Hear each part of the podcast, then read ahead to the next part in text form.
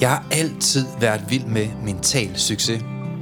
Jeg læste psykologi i 10 år, men jeg har aldrig haft forstand på sygdom eller diagnoser. Til gengæld er jeg ekspert i mental sundhed. Jeg ved, hvordan du bliver rask. Hvad kan vi lære af de mennesker, det altid lykkes for? Jamen lad os prøve at spørge dem. Dem, der altid har haft et mentalt overskud og er passioneret. Hvilke principper kan vi lære fra den nyeste forskning inden for positiv psykologi til at udvikle vores egne færdigheder?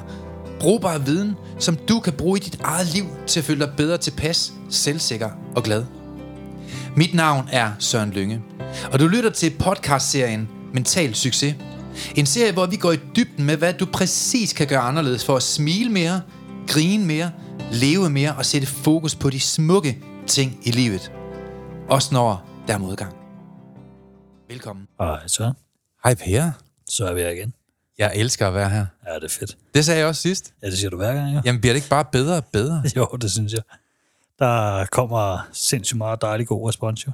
Ja, altså det her med, at øh, vi har et helt land. Jeg så i fjernsynet i går, over 700.000 mennesker kæmper nu med vrede og irritation, stress, angst, alle de her mm. sindslidelser, som jo egentlig findes en masse simple værktøjer til at forandre. Og, øh, og man får ikke de her værktøjer nogen steder. Man får en diagnose, man får nogle piller, får lov til at sidde hjemme og tælle rillerne i fløjelsbukserne, se på guldflæsk, se maling tørre, men ingen giver værktøjer til, hvad er det præcis, jeg kan gøre anderledes, hvis jeg er irriteret og vred, hvis jeg har stress, hvis jeg kæmper med angst, hvis jeg er depressiv. Og det er jo det, jeg godt kan lide, at den her udsendelse her i Mental Succes-podcasten, den handler faktisk udelukkende om at give værktøjer til at få et bedre liv. Jeg synes også, det der bliver spændende i det her, det er jo den side også, at øh, vellykkede mænd, som man ikke, altså mm-hmm. mænd, man ser, som er vellykket, Ja. egentlig også kan have ting i deres liv. Ja, altså jeg kan mærke, du pynser lidt hen mod det, vi skal snakke om i dag. Ja, det gør noget. Men ja, altså For vi har jo en ret vellykket mand i dag. Ja, men det er jo det, og det er det, jeg synes, der er mega spændende jo også, fordi mm. hvorfor er, hvad er det af problemer, øh, direktøren har og lederen har? Mm. Øh, og det tror jeg, vi får øh, lidt svar på i dag. Men jeg ved godt, det er din hjertesag, det med mænd. Altså, du, Ja, altså nu skal jeg, jeg ikke tage... sige, at jeg er glad for mænd, skulle jeg. Nej, nej, men jeg, jeg skal ikke tage ordene over munden på dig. Øh, munden på dig. Øh, men men du, du har jo altid haft lidt et issue med, med den mandlige befolkning, Ja. som øh, ikke rigtig får i talesat ja. De problemer, de har. Nu hvor at der findes mange værktøjer til at hjælpe folk til at i talesætte det og, og, og nulstille de her problemer. Ja, jeg tror også, det er, fordi jeg selv har været en af de mænd. Ja, Jeg tror, det er det, der også er i det. Mm. At, øh, som jeg også har før, at med kvinder, de er jo gode til at snakke med hinanden. Det er Ja, der bare ja. rigtig mange mænd, der ikke er. mm, Så det der med, så, så kommer bare videre som mand, og så løber du hovedet ind i øh, murene. ja, Men det er altså, og det er jo også, når du ser statistikkerne, så er det jo også flest mænd, der ender med, at det ikke går godt for dem, ja. hvis de ikke gør noget ved det. Ej, det er også meget sjældent, du ser en kvinde på bænken, ikke? Jo, Det er altid en mand. Jamen, og, og det er jo det. Altså, så det er det der med, at... Øh, mm. Ja, så der er blevet lidt en hjertesag for mig, det der med at få, få fat i mændene, og få dem til lige at åbne op. Men i dag har vi jo fokus på vrede og irritation. Mm. Vi har haft meget fokus i de andre podcasts omkring stress og angst og sådan noget, og man kan træne stort set alle ud af de her psykiske lidelser, men i dag har vi bare fokus på irriterende tanker, vrede tanker, øh, frustrerende tanker. Alt det, som hober sig op indvendigt, ja. som kan gøre os til en vred, gammel mand. Ja. Så nogle af jer kvinder derude, bær over med os i dag, for I kender også en vred mand. du kan sikkert sidde og kigge på ham nu i en net underhakker henne i sofaen der med bodega-røv. Du kan starte med at gå hen og proppe en femmer i, vende balleren på ham, og se om han spiller en sang. Og øh, jamen, øh, skal vi præsentere? Det synes jeg. I dag har vi faktisk en mand med, Per, som, øh, som har haft en milliard omsætningsvirksomhed. Mm. Altså i kroner. Vi snakker ikke lige. kroner. Og har haft øh, 60 ansat, Ja. som har været meget, meget vellykket. Altså en for aller øverste hylde. Men en mand, som øh, i måske ubetænksomhed øh, lige pludselig oplever, at alle forlod ham. Ja. Alle øh, følte, at han var ulidelig, på grund af, at han blev mere og mere vred. Ja. Hans fokus vendte. Han blev toksisk, altså gifttanker i hans tanker. Han blev toksisk i tankerne. Og øh, til sidst følte han, at han stod nede på bunden af en brønd. Ja. Alle forlod ham. Kone, børn, venner. Alle var trætte af ham, fordi han bare altid var negativ.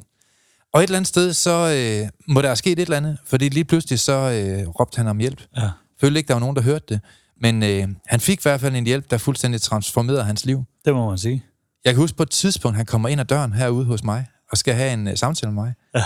Og så sagde du uh, til mig, jeg tror faktisk ikke, han ved det, men du sagde, han så ret vred ud, og han hilste ikke på mig, ham der gik ind ad døren. Ja, det var første gang, han var. Så siger jeg, det er første gang, jeg har prøvet det herude. At der er en, der kommer ind, der faktisk ikke hilser på mig, selvom jeg sagde hej.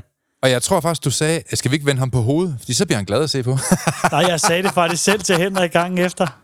Jeg tænkte sådan lidt, ja, da han kom ud gang efter, så tænkte jeg, nu siger jeg et eller andet til ham, fordi ja, det her ikke oplevet før. kan til at smile. Ja, så jeg siger faktisk, se, øh, jamen hej, siger jeg til ham. Øh, så, og så får jeg sagt til ham, hvad Henrik, skal jeg vende på hovedet, før du smiler? og så, så smiler han så heldigvis. Øh, jeg var lidt nervøs, da jeg præsenterede ja. den, fordi Ej, at, det, og det var det, der var så vildt med Henrik, og det var også, jeg siger til ham, øh, ja. efter at se ham flere gange nu, ja. okay, det er jo dejligt at se, som du smiler i dag. Men Henrik Abrahamsen, tusind gange velkommen til dig. Tak. I dag er du selvstændig. Ja. I dag ser du stjerne godt ud, smiler over hele femøret, og øh, står knivskarp. Og du er slet ikke det menneske i dag, som vi lige omtalte før. Det er to vidt forskellige mennesker. Og endda på ganske få måneder har du totalt transformeret dit liv. Velkommen til dig. Mange tak. Vi glæder os absurd til at høre din historie. Ja. Selvfølgelig kan man glæde sig til nogle ting mere end andre ting, men jeg, som jeg sagde til dig, dengang du kom ind ad døren i dag, jeg glæder mig til i dag. Jeg har også glædet mig. Den historie, der er med dig, og den transformation, der har været i dit liv, den er ud over det sædvanlige. Men lad os høre lidt om dig, Henrik. Ja. Fortæl lidt. Jamen, øhm, hvor skal vi starte? Altså, jeg... Øhm, som min, min kæreste så havde sagt, sagde til mig, så har jeg jo altid brokket mig. Ikke? Øh, men men øh, det stak jo lidt af. Specielt øh, som selvstændig under coronakrisen, hvor jeg følte mig... Øh, åh, jeg, jeg følte mig uretfærdigt behandlet. Og, ja. og øh, skulle kæmpe mod vindmøller og samfundet og nedlukning og økonomi og alt muligt andet, og det gjorde bare ikke noget godt for mig. Nej. Jeg taklede ikke den, øh, den modgang særlig godt. Og øh, til sidst tror jeg, jeg var blevet så vred, så jeg, øh, jeg havde skræmt de fleste mennesker væk, og øh, jeg tror, øh, de fleste nok øh, glædede sig, når jeg gik, og, mm. og ikke når jeg kom. Sådan billedligt talt, ikke? Og øh, dråben, øh, der ligesom øh, mm. åbnede mine øjne, det var, da min, da min kæreste gennem 10 år sagde til mig, Henrik, jeg kan ikke holde dig ud mere. Sådan billedligt talt, der, der følte jeg, at jeg stod nede øh, på bunden af en brønd, og jeg gravede bare. Mm. Dybere og dybere, og jeg vidste ikke, hvorfor jeg gravede. Og øh, kraftede mig bare mig, der skal grave det hele, og der er ikke nogen, der hjælper, og der kommer mm. ikke nogen. Og, øh, sådan, ja. Og øh, jeg føler bare, hun tændte lampen deroppe, ikke? og så kunne jeg selv kravle op af brønden, men når jeg råbte op og brokkede mig over et eller andet, der var sgu ikke nogen, der reflekterede over det. Og jeg tror, der gik øh, halvandet døgn. Der øh, gik det virkelig op for mig, at jeg havde været på helt gal kurs, og mm. det var mig, der var problemet. Ja. Og så ringede jeg, så undersøgte jeg en masse, og så øh, er jeg jo sådan en meget handlingsorienteret mand, og ja. løsninger, og ikke så meget til snak. Og øh, så så jeg jo øh, noget om lyngemetoden mm. øh, på YouTube, og ja. tænkte, det der, det er, det er noget, der passer mig.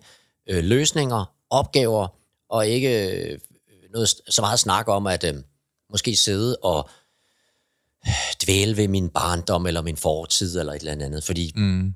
jeg har haft en god barndom. Ja. Øh, mm. Jeg har haft en, en dejlig mor, der er skolelærer, skoleinspektør, og min far var psykolog, og øh, dejlige, fornuftige mennesker. Jeg har mm. haft en, en dejlig bror og en dejlig søster.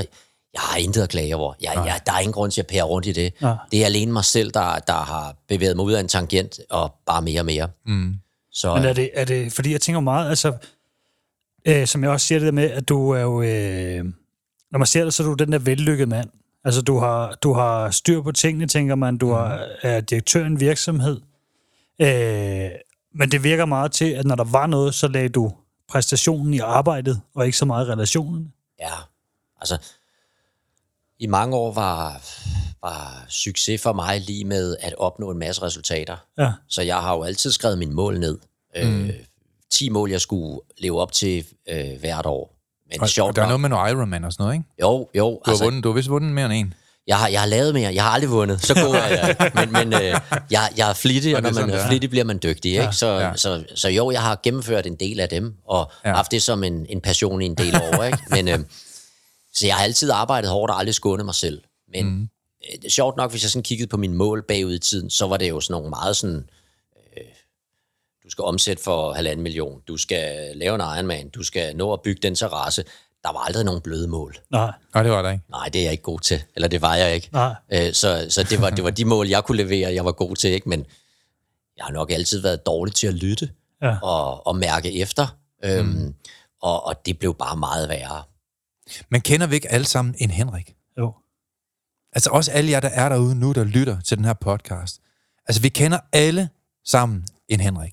Et menneske, som fokuserer på alt det, de er imod, det de ikke bryder sig om, alle dem, de ikke kan lide, alle de systemer, alle de procedurer, som ikke fungerer.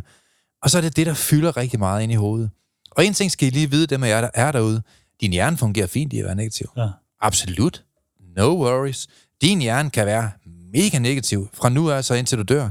Det, der ikke fungerer i dit liv, det er din livsstil. Mm. Din hjerne fungerer fint i at være negativ. Den er sådan set principielt fuldstændig ligeglad, om dit perspektiv resten af tilværelsen, det er hammerne negativt, eller om det er positivt. Men det negative, det er jo alle steds nærværende. Og det positive, det skal vi selv skabe. Ja. Og hvis man ikke gør noget proaktivt for at skabe noget positivt i sit liv, og lave systemer og arbejde lidt på de bløde værdier, så ender man som ofte som en sur gammel mand. Og det er der mange mennesker, der gør. Ja, jeg sidder også og tænker, altså, fordi Så det er ikke usædvanligt, vil jeg sige. det bliver jo sådan en måljagt. Altså, Mm. det må være... øh, Så du, nyder, du det, nød du det på vej derhen? Altså, hvor fandt du glæden i det her? Fandt du glæden i at gøre de her ting så? Jeg fandt ofte glæden i at lykkes. Ja, Øh, og hvis ikke jeg lykkedes, så måtte man arbejde hårdere. ja, Øhm, så der var jo hele tiden sådan en, en altså meget målstyret og god til at sætte handling altså bag mine ord, ikke? Ja. Men mm. jeg nåede aldrig at fejre mine succeser. Nej. Altså, jeg tror, jeg har tre flasker champagne liggende derhjemme i køleskabet, hvor jeg sådan siger, den skal du drikke, når du lykkes med det og det. Men jeg har aldrig fået drukket den. Øh, så det har jeg været rigtig dårligt til. Øhm, Ja. ja, det blev, det blev sådan en jagt efter et nyt mål, fordi når der ikke var noget mål at jagt, hvad pokker skulle jeg så? ja. Ikke? Ja. Men at få en omsætning på 1000 millioner, det, Ja. der kunne jeg godt lide at nappe sådan en kava ned for netto. ja. Jamen, og, Og der skal du ikke lokke mig, Men det er, jo, det, er jo, øh, det er jo sindssygt interessant, det der. Og, mm. og grunden til, at jeg synes, det er interessant også, det er jo, fordi jeg kender flere mænd, der er sådan. Mm. Altså, at de, at de begynder at glemme de bløde værdier. De arbejder alt for meget. Øh, og har ikke fokus netop på de bløde værdier. Det der med, de lægger ikke ind i deres planer, okay, husk lige at bruge tid med ungerne, husk lige at bruge tid med konen. Nej. De uh, tænker, okay, jeg skal have tjent mere, jeg skal have gjort mere. Mm. Men hvad fanden er det, du skal nyde det med, hvis der ikke er nogen af dem tilbage senere i livet, når du har en masse penge? Altså, så, så der med lige at stoppe op en gang som mand også, og så mm. vise den der side også, og så prioritere det også. Men der er også nogen, der vil have ret for enhver pris, ikke? Jo, jo. Du får ret, men hele din familie skred fra bordet. Ja. Så nu sidder du her alene og glor i luften. Ja. Hvordan har du det? Altså mange gange, så tænker jeg også bare, hvordan var din... Altså kan du prøve at nævne, Henrik, nogle, nogle, nogle situationer, hvor du var vred? Altså hvordan øh, din hverdag var, eller når du gik i seng, eller hvordan sådan om morgenen, eller... Vil du prøve at nævne, så vi kan lære dig lidt at kende fra din fortid, ja. hvis man kan sige det sådan? Jamen, jeg, jeg kunne blive vred over alt. Altså sådan her øh, omkring 1. april, hvor jeg kontaktede dig, Søren, og sagde, mm. at, øh, at jeg var blevet en vred brokkerøv, Ja. øh, om du kunne hjælpe mig. Og så sagde det kunne du godt. Og jeg kan huske, at jeg var på skiferie. Ja. Og du fik ringet til der. og fangede dig på vej hjem fra sælen, eller Ja, jeg var nede fra den sort, tror jeg. Sådan der, ikke? Og øhm, du grinte, da jeg sagde det. Det er fandme selverkendelse, ikke? Og jeg sagde også Ja. til dig, jeg er, jeg er virkelig øh, indstillet på at lave ting om. Jeg har dummet mig, og øh, mm. jeg er en flittig elev.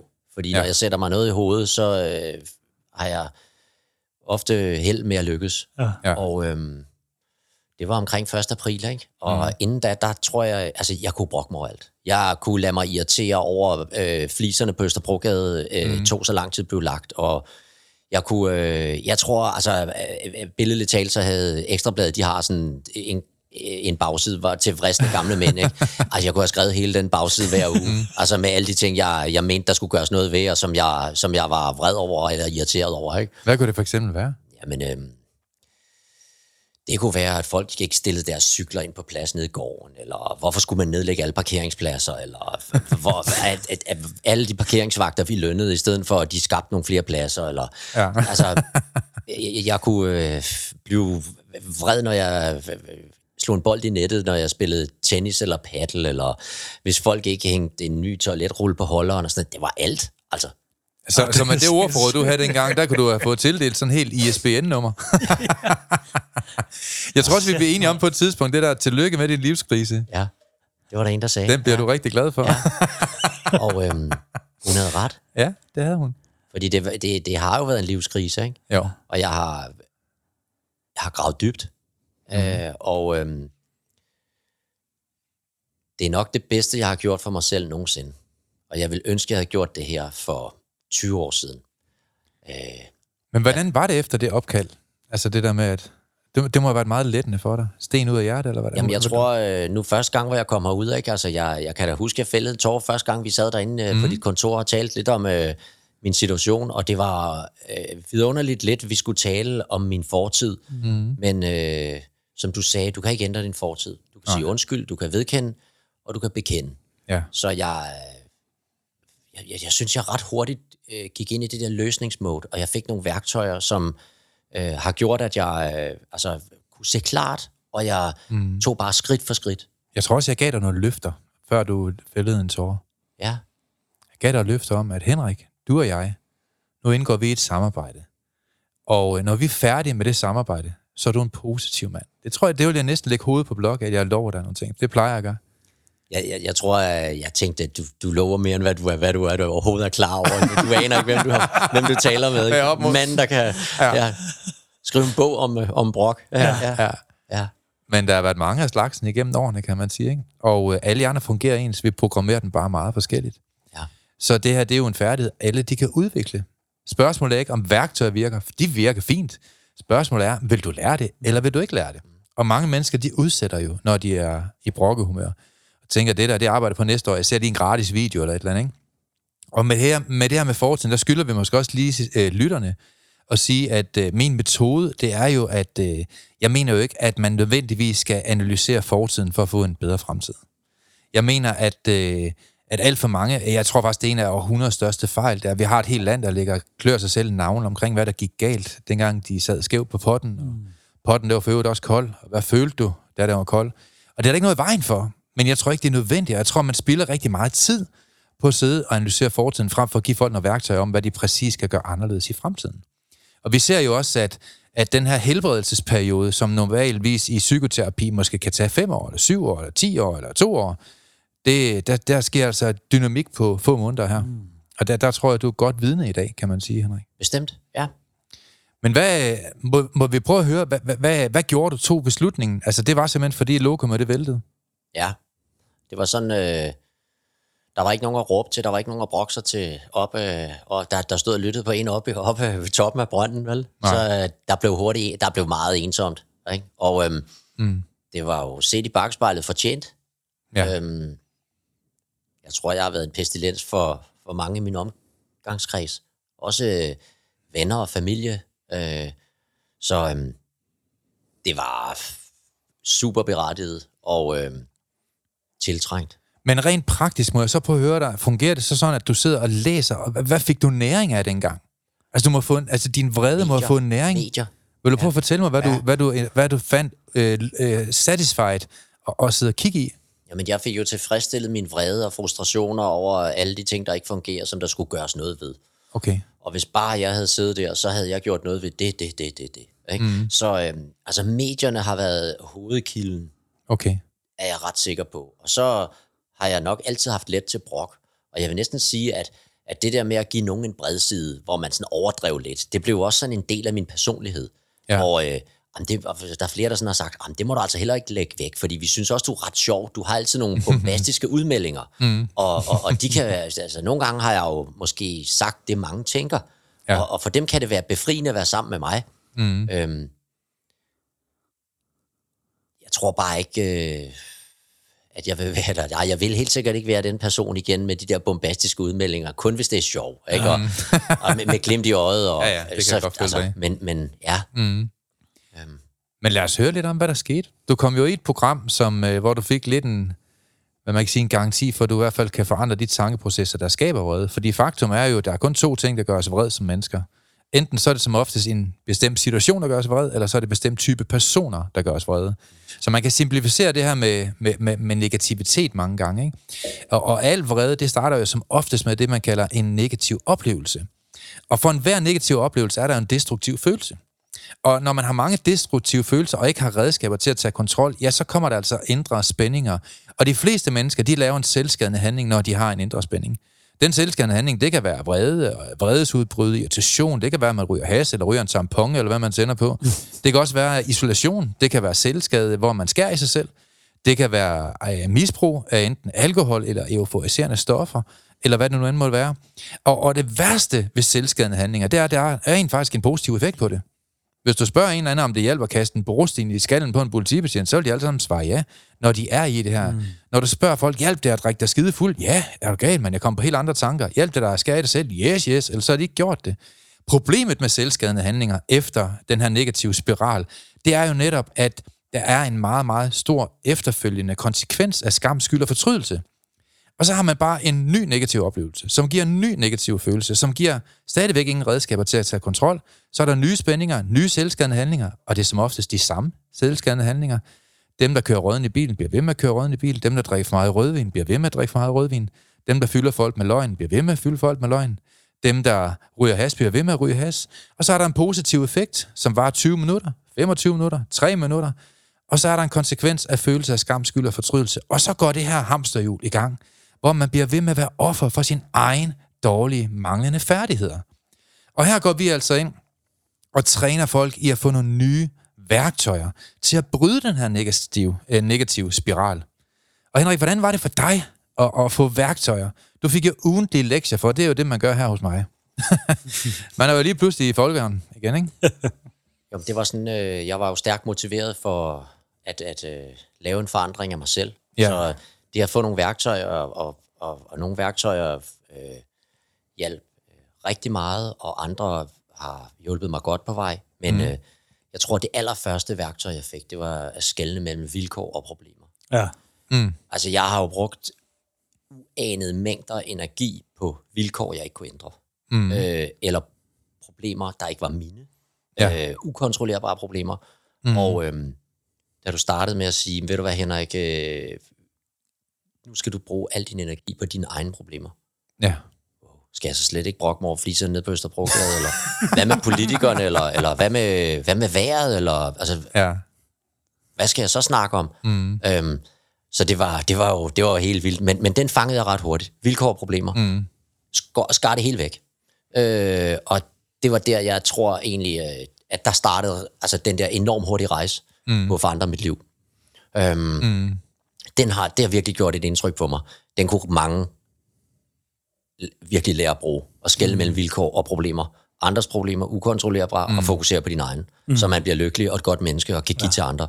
Det er, det er mm. altså, det burde hænge på, nærmest øh, på busstopstederne øh, til oplysning til borgerne om samfundet eller sig selv. Ikke? Ja. Det er vi ikke råd til, men tak. Men, det kunne være, at vi kunne sælge nogle færre lykkepiller så, ikke? fordi ja. så kunne man bedre klare sine egne problemer. Ja.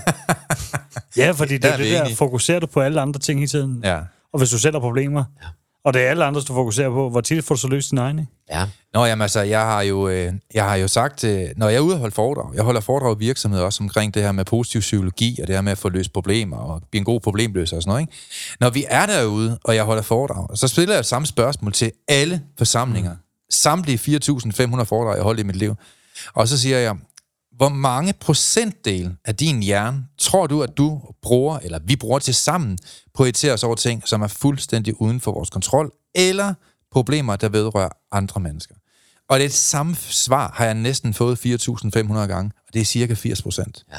Så befolkningen, de mener altså, at cirka 80 procent af mine mentale ressourcer, og måske også dig, der sidder og lytter nu, det bruger jeg på ting, som er uden for min kontrol. Ting på, der er noget med andre mennesker at gøre. Og så skal vi lige huske på, hvis man bruger så mange mentale ressourcer på ting, man ikke kender på, så er der altså kun 20% til overs til rent faktisk at ændre sit eget liv. Ja. Og der har du forklaringen på, hvorfor mange mennesker de ikke opnår store resultater i forhold til selvudvikling. Og en af de første værktøjer, man lærer her, og, og i det her træningsforløb, jeg arbejder med, der kan du ikke komme videre, medmindre du har forstået første opgave. Så skal du tilbage til første opgave, hvis du ikke kan forstå dem, så kan du gå videre til nummer to, og nummer tre og nummer fire. Det er et struktureret metakognitivt øh, forløb. Så man kan sige, at det her med at, at, at komme til en erkendelse af, at for at få et bedre liv, så er der ting, jeg skal give slip på. I stedet for, at jeg skal have mere i mit liv, så skal jeg faktisk stikke modsat. Give slip på noget mm. i mit mm. liv. Fordi vi bliver nødt til at få de ressourcer, du før har brugt på at irritere over andre mennesker. Den mængde af energi og ressourcer skal vi altså til at bruge til, at du bliver bedre på, til at løse dine egne problemer. Og hvordan var det, Henrik? Jamen, et eller andet sted var det, var det befriende. Mm. Altså, jeg, øh, jeg lavede faktisk på et tidspunkt en lang liste over ting, jeg var stoppet med. Øh, fordi øh, altså, jeg gik sådan ret radikalt til værks. Det gør jeg, når jeg, når jeg skal nå nogle mål. Ikke? Altså, så, det kan jeg beviden. Så sorterer jeg alt det fra, altså, så, så jeg, jeg brokker mig ikke. Jeg har ikke brokket mig siden 3. april, tror jeg. Øh, wow. Jeg, øh, øh, Du har god tid. Lad os høre det hele. Ja, Vi vil virkelig ja. gerne høre det hele. Øhm, Wow. jeg bagtaler ikke andre, øh, mm. eller taler dårligt om andre. Mm. Jeg tror, at nogle gange så øh, kunne jeg blive enormt vred og skuffet over, at jeg havde så store øh, forventninger til, hvad Ja. andre gjorde. Ja. Og når de så ikke gjorde det, så blev jeg mega skuffet og vred og sådan noget. Ikke? Mm. Så jeg sagde til mig selv, Henrik, hvis du har nul forventninger og nul fordomme, Ja. Altså de to F'er der, dem, dem, dem mm. prøver jeg virkelig at være opmærksom på. Ja. Altså jeg kunne jo, hvis jeg gik jeg forbi en, en, en pige, der havde en ring i næsen, så kunne jeg nærmest sådan, sådan lidt stille sådan sige, mm. altså, sådan, altså sådan, sådan helt, altså jeg havde jo så mange fordomme om, ja. altså sådan, åh, din tosse mand, altså, øh, der, var, der var bare så mange ting, ikke? Øh, Ja. Jeg kunne øh, sådan tale ene tale med mig selv, altså sådan, og sådan helt, øh, jeg tror ligesom Stuart Stardust, ikke? Øh, ja. hvor, hvor, hvor Danny han må sige til ham i jul på Vesterbro, ja. øh, han de snap out of it far, ikke? Altså, Ja, ja. jeg kunne sådan tale hele selvsving i min vrede, ikke? Og mm. bruge enormt meget energi på det. Mm. Så jeg, jeg, jeg besluttede mig for at prøve at afgifte min hjerne. Mm. Hvad er det, jeg ikke skal bruge tid på? Fordi jo flere positive ting, jeg kommer ind, jo flere af de ting vil jeg tænke over over tid. Ja. Så det var sådan en, en, en må, altså flere måneder, hvor jeg bare valgte en masse ting fra, som mm. jeg, øhm, jeg havde brugt så meget energi på ja. og, og blev vred over. Ikke? Så øh, jeg har besluttet mig for ikke at tale politik og religion. Ja. Og mm. altså, øh, vi taler om en mand, der hvis favoritprogram var tirsdagsanalysen, ikke? øh, altså, og, øh, og så, så det var store fravalg, ikke? Øhm, jeg, jeg taler ikke grimt om andre mennesker. Jeg, min far sagde til mig, at øh, hvis du ikke har noget positivt at sige, så tig stille. Ja. Mm. Øh, og det havde jeg nok ikke lyttet eller implementeret, ikke? Så psykologen bød ind på noget der, der var godt. Sådan. Det gjorde han. Ja, det er vi glade for. øhm, så har jeg stoppet med vrede opslag på LinkedIn eller øh, sociale medier. Og var det også... Øh, det var vi også jeg, ude i. jeg, jeg kunne øh, dreje alt over i øh, noget. Jeg var imod øh, Københavns Kommune og Enhedslisten og alt muligt andet. Jeg kunne, jeg kunne give en bred side, ikke? Mm. Øh, så det har jeg helt stoppet med.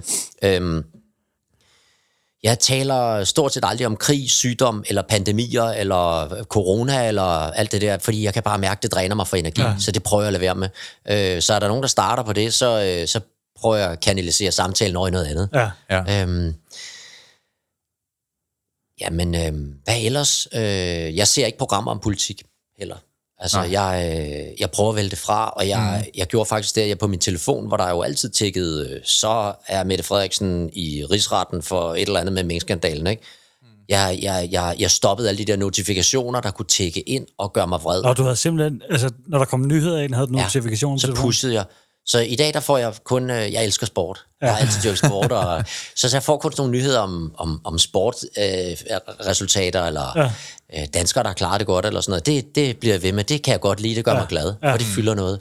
Så jeg har, jeg har valgt en masse af det fra, der, der gjorde mig vred. Ja. Mm. Øhm, ja. Hvor smukt. Ja, så... Ja, jeg kan hvor godt lide det stærkt, der. ikke? Jo, fordi det er også det, jeg sagde det faktisk til en uh, klient anden dag, så siger jeg, hvad hedder det, mm. det handler jo ikke om, det er ikke en eller anden stor åbenbaring, der sker særligt tit. Nej. Tit er det jo, fordi du mm. tager lige pludselig mange små gode valg, Mm. og laver mange gode tilvalg, og laver mange gode fravalg. Ja. Når du pludselig fylder det op i dit liv, og fylder det ind i livet, Mm. så vil det ændre sig. Fordi Ja. på et eller andet tidspunkt, så vil der være overflod af de gode valg, og de positive mm. valg, og de positive ting i livet.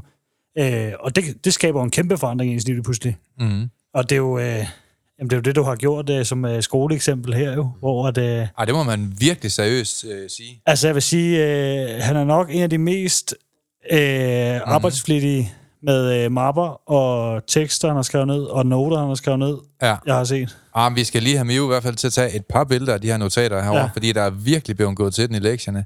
Og så skal jeg også lige sige til dem af jer, der lytter i dag, det er jo en måde at reagere på, det er jo den måde, Henrik reagerer på omkring vrede. Altså den lidt mere aggressive, mm. hvor man hisser sig op over ting.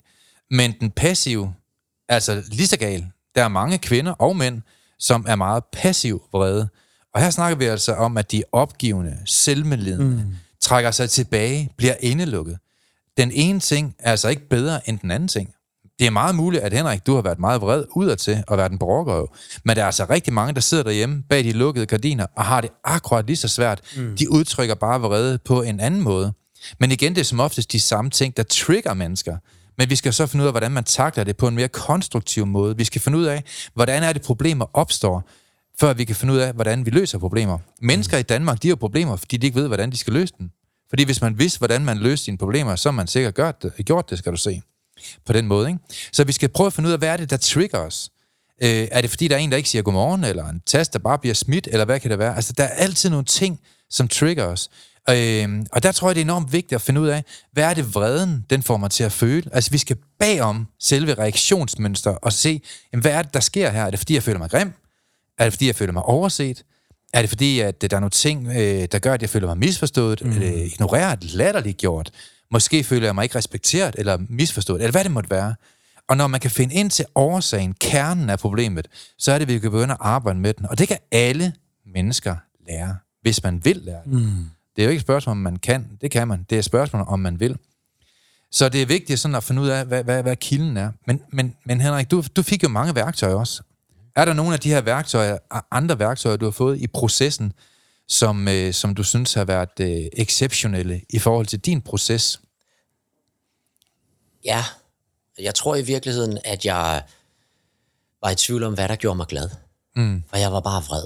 Og, ja. og om, om det så var en skiferie, eller solen skinnede, eller en kold flaske hvidvin, eller et eller andet, mm. jeg, jeg, jeg kunne sgu dårligt mærke mig selv. Altså, I sige, sådan, hvad, hvad gør dig egentlig glad?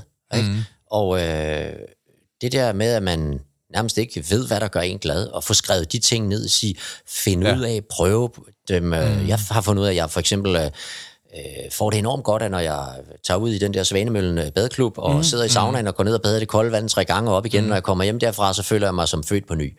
Så det er nu et af mine, mine, mine mål, min, min 40-dagsplan. Jeg skal mm. altid ned og, og bade i badeklubben, oh, og sidde i saunaen en gang om ugen. Det er mm. et mål. Så sådan noget som 40-dagsplanen, mm. øh, som jeg laver, øh, den var svær første gang, men det, Klar, det. det gør, at jeg sortere det fra, som mm. jeg har lavet inden for de sidste 40 dage, som mm. ikke gav mig energi eller gjorde mig glad, mm. øh, og jeg vælger noget nyt til. Og så er der jo altid mm. sæsonkorrigering nu her til efteråret, så er der noget Halloween, eller ud og samle kastanjer, eller øh, så er der noget nyt, ikke? Mm. Øh, der er ikke længere Tour de France, som man kan se, og ja, så, så den tilpasser sådan, ikke? Så, mm. så den, den har jeg været rigtig glad for. Øhm, så er der også den der med, med de, de fem faldgrupper. Ja. Altså sådan, øh, hvor jeg det er jo en analyse igennem seks år, jeg har brugt på, hvad er det for noget præcis ting, der gør, at mennesker de kommunikerer absurd dårligt sammen.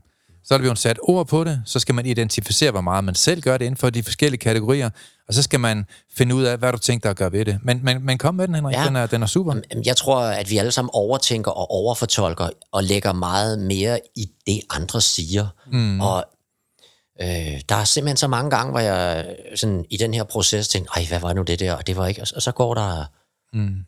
fem timer, og så får jeg et opkald for vedkommende. Jeg havde fuldstændig fejlfortolket det der, og bare kørt ud af min, min, min øh, mm. gamle Henrik-tangent. Mm. Ikke?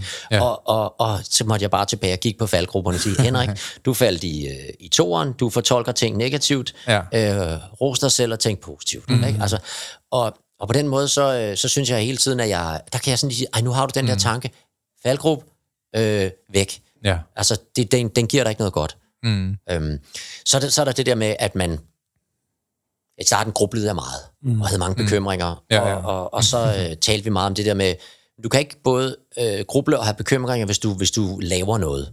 Mm. Så jeg, øh, jeg er god til at få ting til at ske og få gjort noget og lægge nogle planer. Mm. Så når jeg handler og udretter ting, mm. så kan jeg ikke bekymre mig. Og øh, for mig er en god dag, når jeg har lavet rigtig meget. Mm. Altså, det er ikke, når jeg ligger på FIFA'en eller, eller et eller andet andet.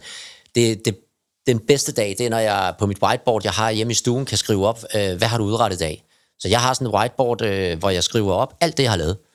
Øh, og så har jeg også et område, jeg, jeg kan jeg arbejder med, som jeg skal blive meget bedre til, det er sådan noget, øh, at rose andre. Mm. Øhm, og øh, det kan jeg blive meget bedre til. Og øh, så er der det med at hjælpe andre. Mm. Det kan jeg også blive bedre til. Det så der er mange ting. Ja, så hver dag mm. skriver jeg ned på mit whiteboard, jeg har hængende, hvad jeg har gjort inden for de tre områder. Mm. Øh, og nogle gange, så er der jo tomt, så har jeg ikke rost nogen.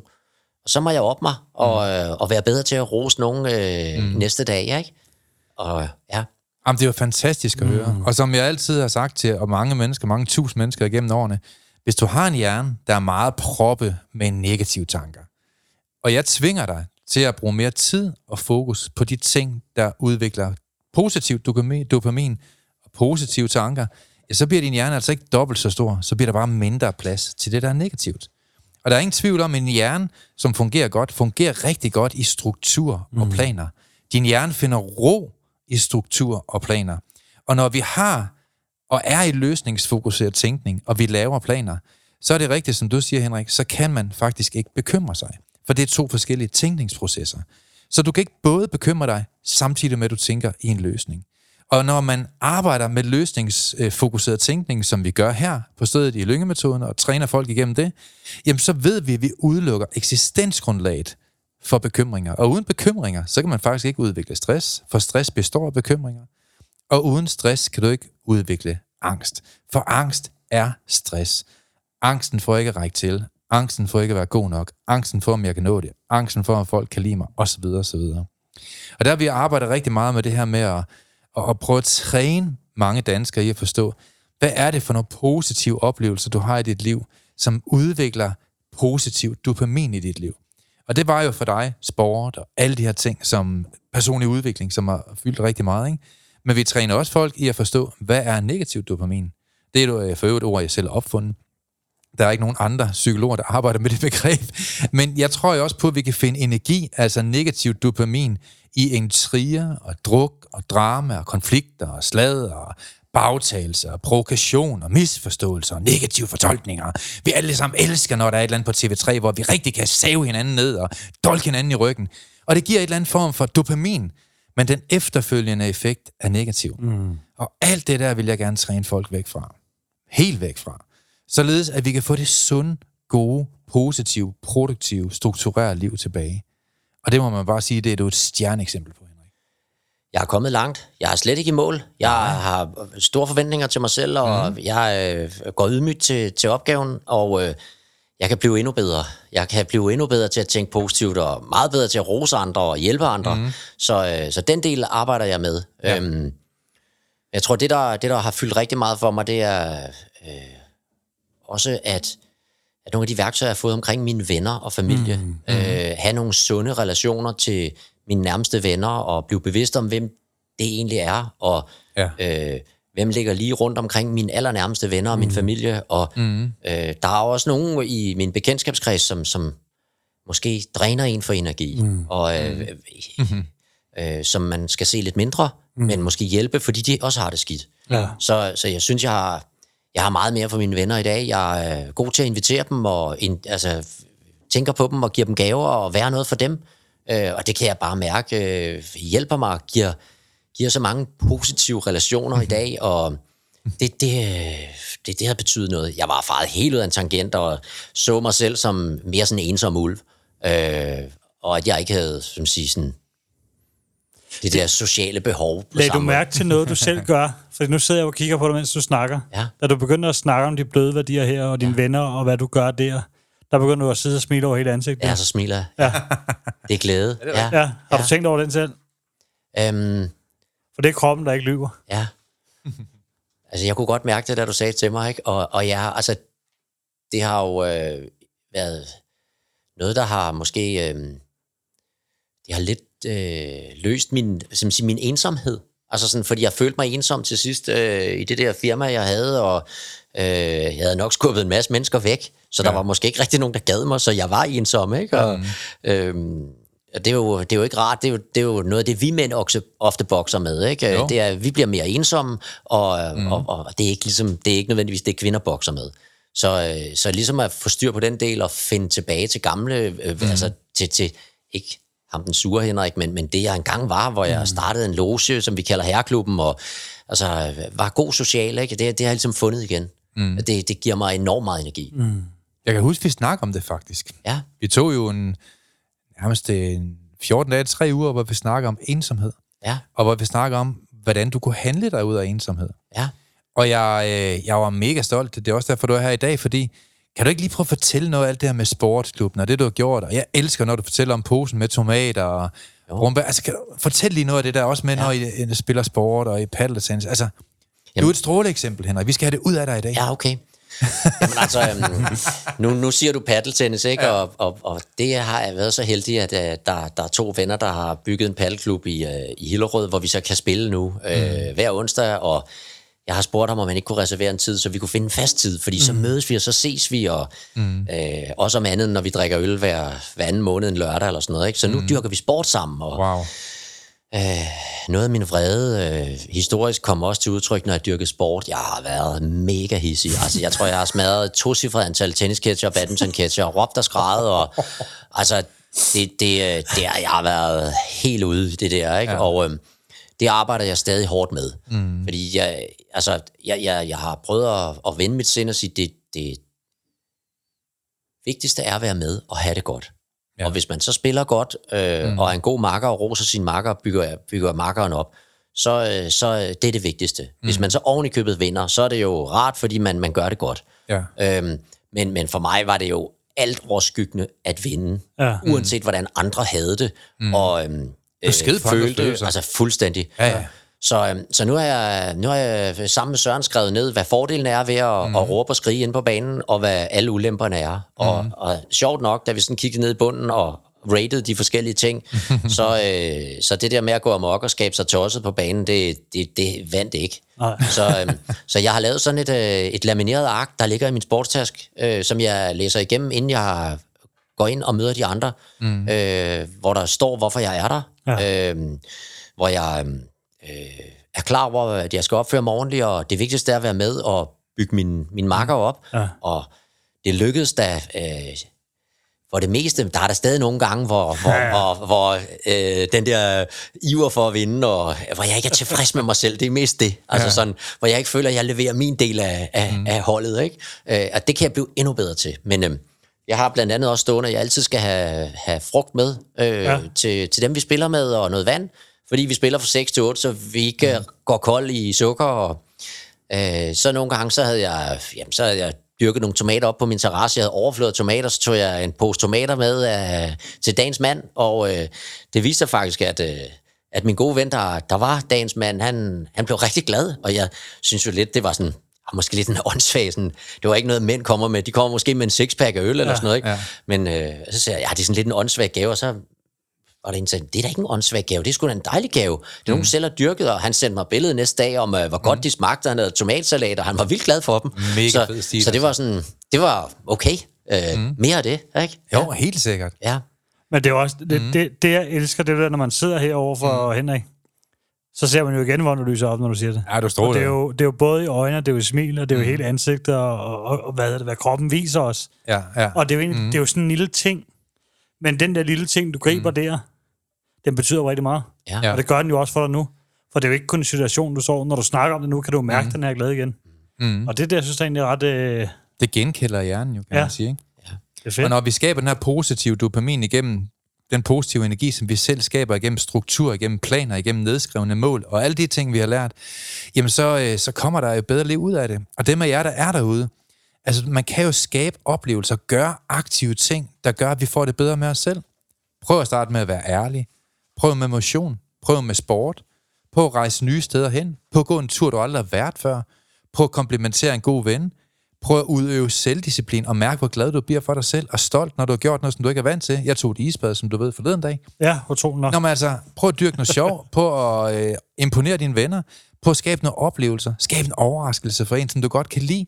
Prøv at øh, dyrke noget sundt fællesskab ved at arrangere noget, hvor I mødes på et bestemt klokslæt, og du har lavet et eller andet. Prøv at give et kompliment til en, der ikke kan give dig noget tilbage. Prøv at gøre en god gerning. Mm. God gerning. Prøv at give noget væk, som du ikke har brug for nede i kælderen. Prøv at gennemføre nogle udfordringer. Der er så mange ting, jeg kan, fyre, jeg kan fyre 500 ting mere af. Men der er så mange ting, vi rent faktisk proaktivt kan gøre i vores liv. Og det er det, jeg synes, der har været så også imponerende ved dig. Du har virkelig taget de her udfordringer op, uge efter uge, og skabt en fuldstændig ny livsstil. Hvad siger dine venner til det, Henrik? Jamen, øh, de roser mig faktisk. Øh, det? Og, øh, ja. jeg er ikke i tvivl. nej, men jeg, de kan mærke en forandring. Øh, ja. Lige inden vi kørte herud, så var jeg op og hente min bil, der havde fået monteret sådan en anhængertræk for en, en, en sød ven, der har arbejdet i et leasingfirma, som øh, har hjulpet mig med den her bil. Øh, mm. Og øh, så takkede jeg ham, fordi det var ligesom den sidste ting, vi manglede, hvad end det var en ekstra nummerplade til cykelanhængeren, eller øh, faktura, eller et eller andet andet. Ikke? Ja. Øh, og så sluttede han af med at sige, at han skulle godt give mig ros, fordi han kunne virkelig, altså uanset hvad det var, jeg havde været gået igennem med, med det her lyngemetoden, så kunne han virkelig mærke en forandring, og efter han siger, det, det, det, det, det kunne godt være, at han, han havde brug for noget af det samme. øh, han... Øh, kom hjem til, han har boet i England mange år, og kom mm. til Danmark for ah, 5-6 år siden eller sådan noget, ikke? Og, ja. og, og han synes, alle danskere rent rundt og brokkede sig. Og øh, så sidst han sagde mig, det, jeg skulle nok bare blive en af de der danskere, der går rundt og brokker mig, sagde han. Ikke? Ja, så øh, jeg får da ros for det, mm. øh, og øh, jeg bliver ved. Jeg stopper ja. ikke her. Ej, det er godt jeg skal helt i mål. Ja. Ja. Øh, jeg skal aldrig tilbage til gamle Henrik. Nej. Det er nye Henrik. Ja. Men det er jo også sagt til mange mennesker. Øh, du er, og dem af jer, der er derude, der lytter nu, du er og bliver ikke et færdigt produkt. Nej. Du er kun i en proces af udvikling. Og hvis man anser sig selv 75 år gammel, 82 år gammel, 46, 47, 17 år gammel, som at være et færdigt produkt, så kan jeg godt forstå, at man kan gå ind og blive utilfreds. Mm. Men du er ikke et færdigt produkt. Vi er alle sammen en proces af udvikling, og dit liv står ikke stille. Enten så skaber du foranstaltninger for, at du får et bedre liv, eller så stagnerer du og får et dårligere liv. Men du står i hvert fald 100% ikke stille. Og det der med, at man indgår i en proces i sit liv, hvor man siger, nu vil jeg hengive måske et halvt år til personlig udvikling. Og jeg vil lære nogle ting, som kan ændre mit syn på verden, og der kan være med til at kickstarte nogle nye vaner og træne mig i nogle nye færdigheder. Det er og bliver det, vi reklamerer for. Vi reklamerer jo ikke i den her podcast-udsendelse, lover vi. Men, men hvis vi reklamerer for et eller andet, så er det, brug nu tiden på at udvikle dine færdigheder. Ja. Det vil vi gerne slå et slag for, fordi der er ingen grund til, at du har det liv, du har nu. Du kan altid få et bedre liv. Det kan jeg også. Ja. Det kan du også, Per. Det kan Henrik også. Og det er jo det, du også siger, Henrik. Du lever for at være i en proces af mere positiv udvikling. Jeg har et spørgsmål til det andet. Mm. Og det er egentlig også, når jeg selv lige sidder en del over.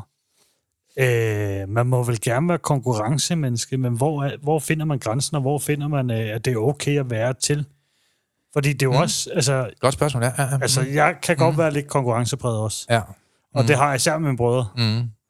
Øh, og Mm. ja, det ved Henrik nok også. Når øh, sådan mellem mænd, når man konkurrerer om et eller andet, Ja, ja. så kan tonen godt blive lidt hård. Ja. Men hvor er, øh, hvordan finder man grænsen, og hvordan sørger man for, at det er ordentligt? At, øh, Jamen altså, Henrik kan jo svare, han har været igennem mit program, men vi har snakket om det der med en ideologi, ikke Henrik? Det her med at være det mest vigtige her. Det mest vigtige, det var jo det, du skrev på din sædel i din sportstast, tænker jeg. Ja. Kan du følge mig lidt? Altså, Ja. vi, vi bliver nødt til at finde ud af, er det mest vigtigt at vinde mm. for enhver pris, eller er der en anden agenda, der burde fylde mere i vores hjerne? Og vores hjerne er jo ret primitiv. Vi bliver nødt til ligesom at forklare hjernen, hey, hvorfor er jeg her? Så igen, tilbage til den sædel, tænker eller har du et andet svar, Henrik? Nå, men jeg tror, jeg bare øh, sige, har været ligesom så mange andre, der bare helst ville vinde. Mm. Og jeg har måske bare været ekstrem. Det, det er rigtigt. Der er jo da også en, nogle gode ting ved at ville vinde, fordi man bliver jo mere arbejdsom og mere mm. hvad skal man sige, målstyret og fokuseret, så man når oftere sine mål. Men mm. for mig er, er det en kæmpe bagside. Og, altså det er balancen. Ja, det er meget mere balance, ikke? Øh, men jeg tror også, øh, altså, hvis jeg sådan kigger på mit værdisæt, så jeg har jo øh, skrevet 16 værdier ned, der har rammet ind øh, sådan, mm. på, min, på min væg, som jeg kigger på hver eneste dag, og dem er jeg tro med. Ja. Og øh, i et af dem, der, der står der blandt andet også, at jeg skal være en god ven, ja. øh, og en god far, og god kæreste, og bror og søster. Øh, mm. Jeg skal være god ved min bror og min søster selvfølgelig, ikke? men, men øh, jeg er jo ikke en god ven, hvis jeg bare tænker på at vinde, og, mm. og ikke hygger mig, når vi spiller og sådan noget. Så der, mm. jeg tror, mit værdisæt, altså det var, mm. det var godt, jeg fik fældet det ned som noget af det første. Og øhm, så kan jeg huske, du, du gav mig en opgave, Søren. Den, den gjorde virkelig indtryk på mig. Jeg skulle skrive min, øh, uh-oh. den tale, der, der jeg gerne ville have, øh, der blev holdt, øh, når nu jeg var død. Ja. Ja, du skulle Og- skrive din egen begravelsestale, Ja, faktisk. og du blød den lidt op og sagde, hvis det bliver lidt for slemt, så må du godt øh, lade som om, at øh, det er til din 90-års fødselsdag. Eller sådan. Jamen, jeg kunne se, du var mere... Du, du Jeg var helt hvid i hovedet, mand. Jeg troede, jeg skulle dø om lidt. Ja. Jamen, Per, han var så hvid i hovedet, han kunne være spion på en kalkfabrik. Lige var sådan en frossen grillkylling i hovedet. Jeg tænkte bare, ej, sådan en udkogt spars. Jeg bliver nødt til at finde på et eller andet. Og ved du hvad, glem det der med begravelsen. Det er 80 års fødselsdag eller 90 år. Øj, mand, det var svært, det var svært at skrive den tale der, ikke? øh, fordi jeg var jo nok godt klar over, hvad det ville sige i dag, ikke? Mm. Øhm, Men du Men, skulle øh, skrive den, som du gerne ville ja. have, de skulle Ja. sige den. Var det ikke sådan, eller? Jo, det er rigtigt. Mm, ja. Og øh, det, jeg så arbejder på nu, det er at, øh, at øh, få dem til at holde den tale, jeg godt kunne tænke mig, at de holdt, når jeg engang går herfra. Ikke? Mm. Så, øh, så det, er jo, øh, det er jo at udfylde det der hul, der- eller det gap, der, der er mellem, hvad de vil sige, og så hvad Ja. jeg gerne vil have, de siger og husker mig for. Ikke? Ja. Så, øh, så det bliver der arbejdet på. Men det er jo også det, altså vi alle sammen er jo tre personer. Vi er den, vi gerne vil være. Vi er den, som andre mennesker ser, vi er. Og så er vi den, som vi i virkeligheden er. Mm. Og hvis de tre personer er den samme person, så opnår vi det smukke, der hedder integritet. Det vil sige, den vi udgiver os for at være, det er også den vi i virkeligheden er. Og hvis vi gerne vil være en person, så er det altså ret vigtigt for vores hjerne at finde ud af, hvem er den person? Så det her med at skrive et brev til sig selv, arbejde med de her værktøjer, som vi arbejder med, for at finde ud af, hvordan vil jeg egentlig gerne være? Og så være tro mod den, som du gerne vil være, og arbejde hen mod at blive den person. Det er altså noget, der er med til at skabe bedre mennesker her på jordkloden. Og vi spytter den ene ud efter den anden, der får de her værktøjer her på stedet, som, som ligesom bliver et bedre menneske. Og det kan man bare mærke på dig. Du er et helt andet menneske i dag, Henrik. Altså fuldstændig andet menneske. Jeg har, jeg har lige mm. en hurtig, jeg skal sige, fordi jeg så, mm. så en øh, sådan noget mental undervisning på nettet, og jeg tror det er tid siden, Ja. hvor det siger noget af det værste, man nok kunne opleve. Og hvis man skulle definere en eller anden form for helvede på en måde, det er at møde sig selv, når man kommer herfra på et tidspunkt, mm. i den version, man kunne være blevet til, hvis Ja. man turde tage de valg og tage de rigtige valg igennem livet. Wow, ja. Så den, Okay. okay. den, den slog mig bare, den her tanke mm. der om, okay, hvis du ikke tager valgene, altså mm. det, du kunne være blevet til, se en bedre version af dig, mm. altså så må det jo være det bedste at stå til sidst, okay, man, er- det er den samme person, man ser, når man mm. egentlig går fra, Ja. øh, så man har gjort, hvad man kunne. Mm. Øh, og den, den slog mig lidt, fordi det er jo det, du lidt arbejder hen imod, når du siger det der med 80 års fødselsdagen. Ja. Hvad er det, man gerne vil hen til? Hvor er det, man gerne vil hen? Mm. Og så arbejde hen imod det, ikke? Og den effekt at se det i sit indre syn, altså visualisere det for sig selv, er enormt motiverende Ja. for at komme i den retning. Jeg siger jo også til alle dem, jeg arbejder med, det du ikke skriver ned, man skal altid tage notater, når vi er færdige med at snakke, og når jeg har ligesom fyret et eller andet af, så skal man tage notater efter den der time der, ikke? Men anyways, øh, jeg siger sådan lidt flabe, det eneste, du kan huske efter den her samtale, det er det, du har skrevet ned. Ja. Så, så få nu skrevet ting ned. Og jeg ved godt, at traditionelle psykologer, de siger, at det her, det bliver man også to, ikke? Øh, men, men, men jeg har, har en anden tilgang til det. Mm. Jeg siger, prøv at det du har lært i dag, det skal du bare sige til hele verden. Ja. Fyr den af, giv den gas. Gå ud og fortæl verden, hvad du har lært, fordi så husker du det langt bedre. Når du underviser om noget, der er smukt, noget, der har skabt et bedre jeg, jamen så kommer du til at, at være en større del af det, som du gerne vil være. Men du skal først kunne identificere, hvem du gerne vil være. Hvordan var den så for dig, den her øvelse? Den var hård. Det var, den var hård, fordi jeg var jo godt klar over, hvad det ville sige, og jeg var jo mm. godt klar over, at jeg øh, ikke havde været en god udgave af mig selv. Nej. Så øh, der, var, der var virkelig meget at tage fat på. Mm. Øhm, men den var, den var også retfærdig. Mm. altså, øh, og øh, jeg er klart et andet sted i dag. Jeg er slet ikke i mål, men, øh, men den, den, den, det var en hård øvelse. Ja. Men altså, det, det, men der, er ingen, der var ingen let point. Altså, og, og, og noget af det, du også siger der, Søren, med at skrive ned. Altså, jeg har jo øh, den ene blog skrevet ned med, med, med ting, jeg fokuserer på, og jeg bladrer dem ja. igennem, når jeg sidder derhjemme, og mm. jeg hører mental succes, og så havde jeg også rigtig... Altså, jeg tror, jeg hørte hed de, de syv livsprincipper.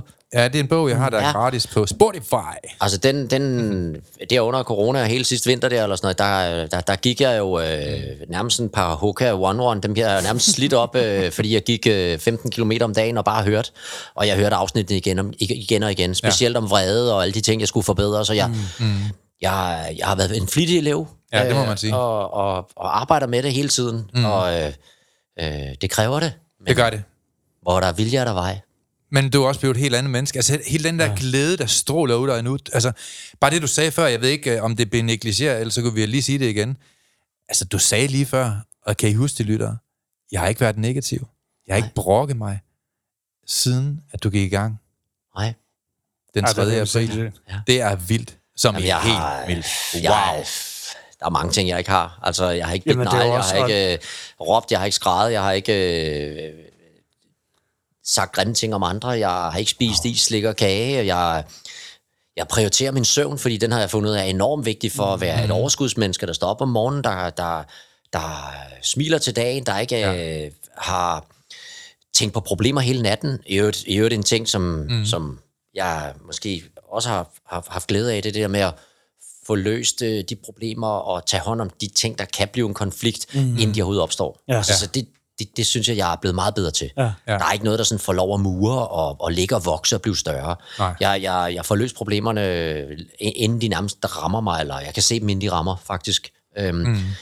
Jeg fandt jo også ud af, at jeg havde ikke det der hav af problemer. Øhm, jeg, synes jo, i, jeg synes jo i starten, der, der, der havde et lortarbejde, ikke? Ja. Og når jeg sådan fik øh, kigget lidt på det og analyseret det til ende, og så prøvede jeg sådan, ja, måske verdens bedste arbejde. Altså, jeg tjener de penge, jeg har brug for. Jeg har Ja. Al den ferie, jeg, jeg vil. Jeg er min egen chef. Jeg mm.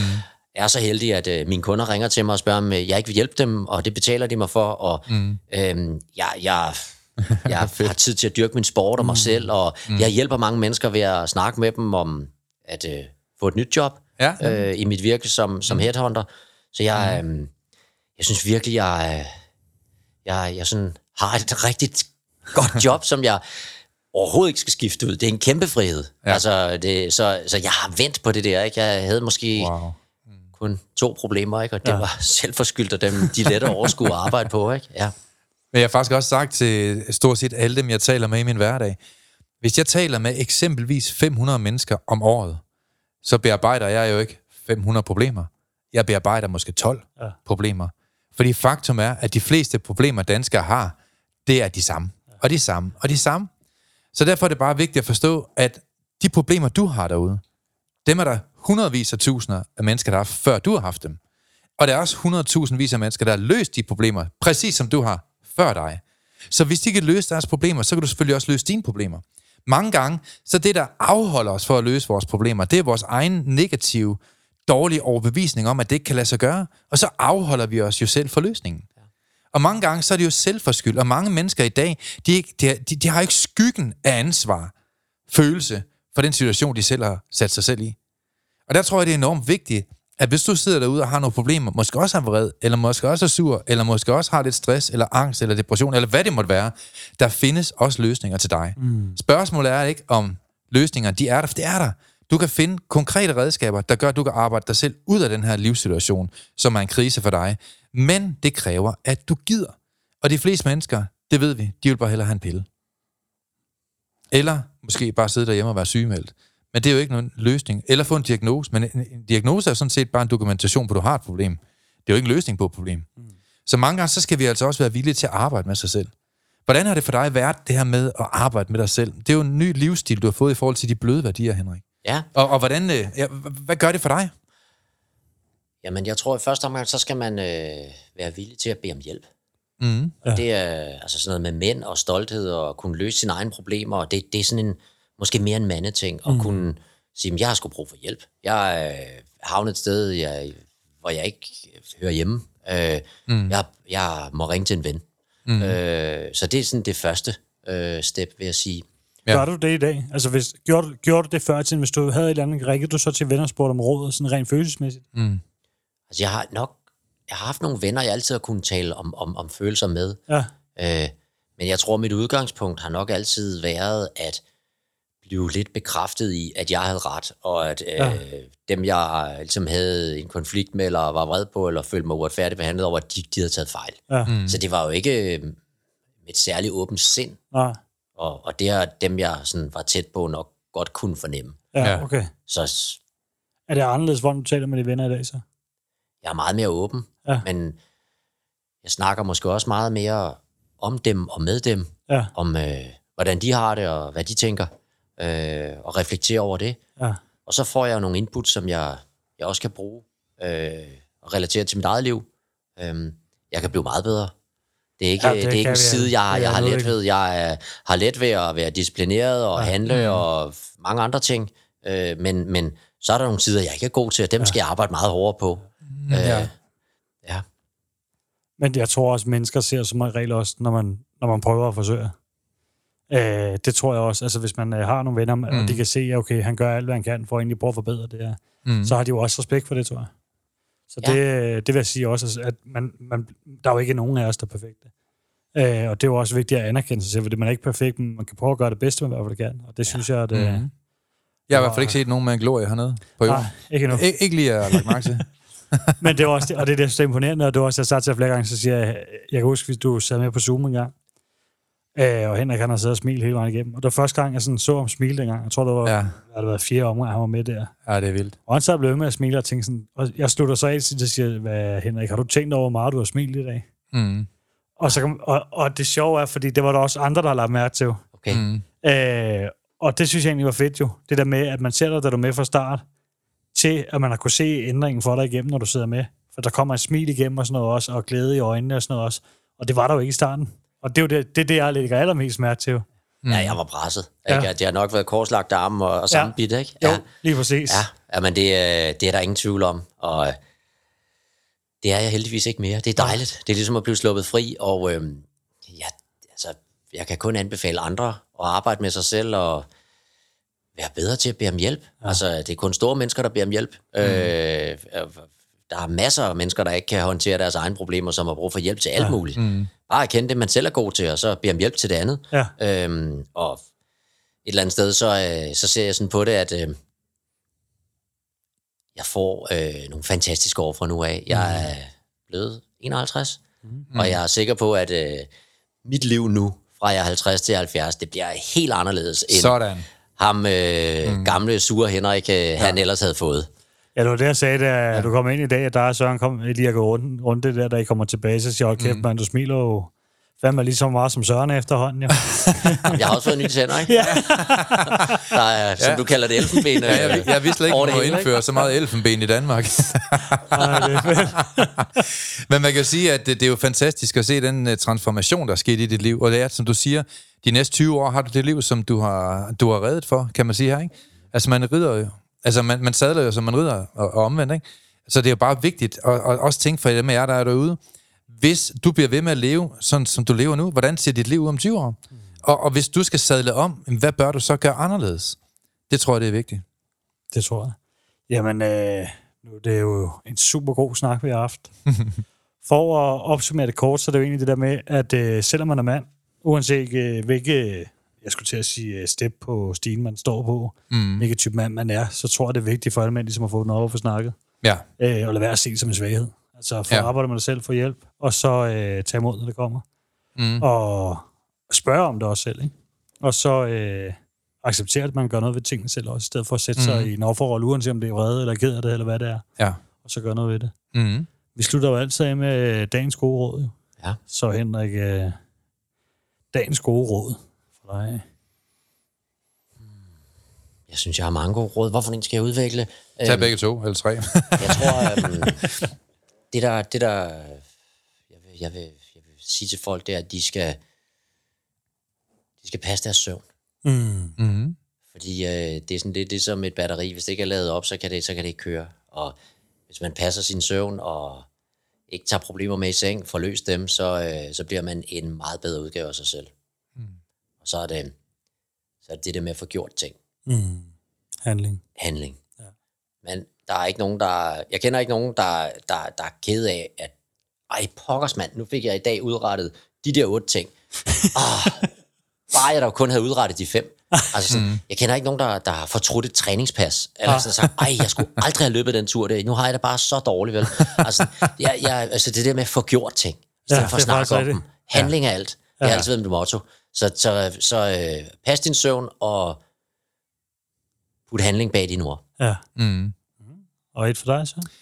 Jamen, jeg vil faktisk være lidt en nørd i dag, tænker jeg, Per. Øh, og tage et uh, citat 13, eller 384 år før Jesu Kristus, og øh, med en, der hedder Aristoteles, en græsfilosof. Mm.